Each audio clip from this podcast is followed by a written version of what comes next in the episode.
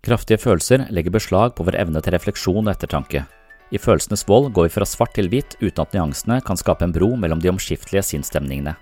Livet blir kaotisk både følelsesmessig og relasjonelt. Å ta inn over seg at andre personer kan være både gode og onde, er komplisert å forholde seg til. Mennesker som fungerer med splitting som psykologisk forsvar, tenderer derfor til å idealisere den andre eller svartmale vedkommende, og det finnes ingen mellomting. Faktum er at mennesker har både gode og dårlige sider, men ved det psykiske forsvaret som kalles splitting, atskilles disse aspektene, og personen opplever seg selv og andre i sort-hvitt. Enten er du snill, eller så er du slem. Enten er du med meg, eller så er du imot meg.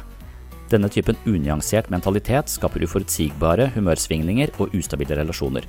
Vil du vite mer om psykiske forsvarsmekanismer og mekanismene bak humørsvingninger og et liv på en relasjonell berg-og-dal-bane, kan du høre episode 190 om borderline og bipolar på min podkast Sinnsyn.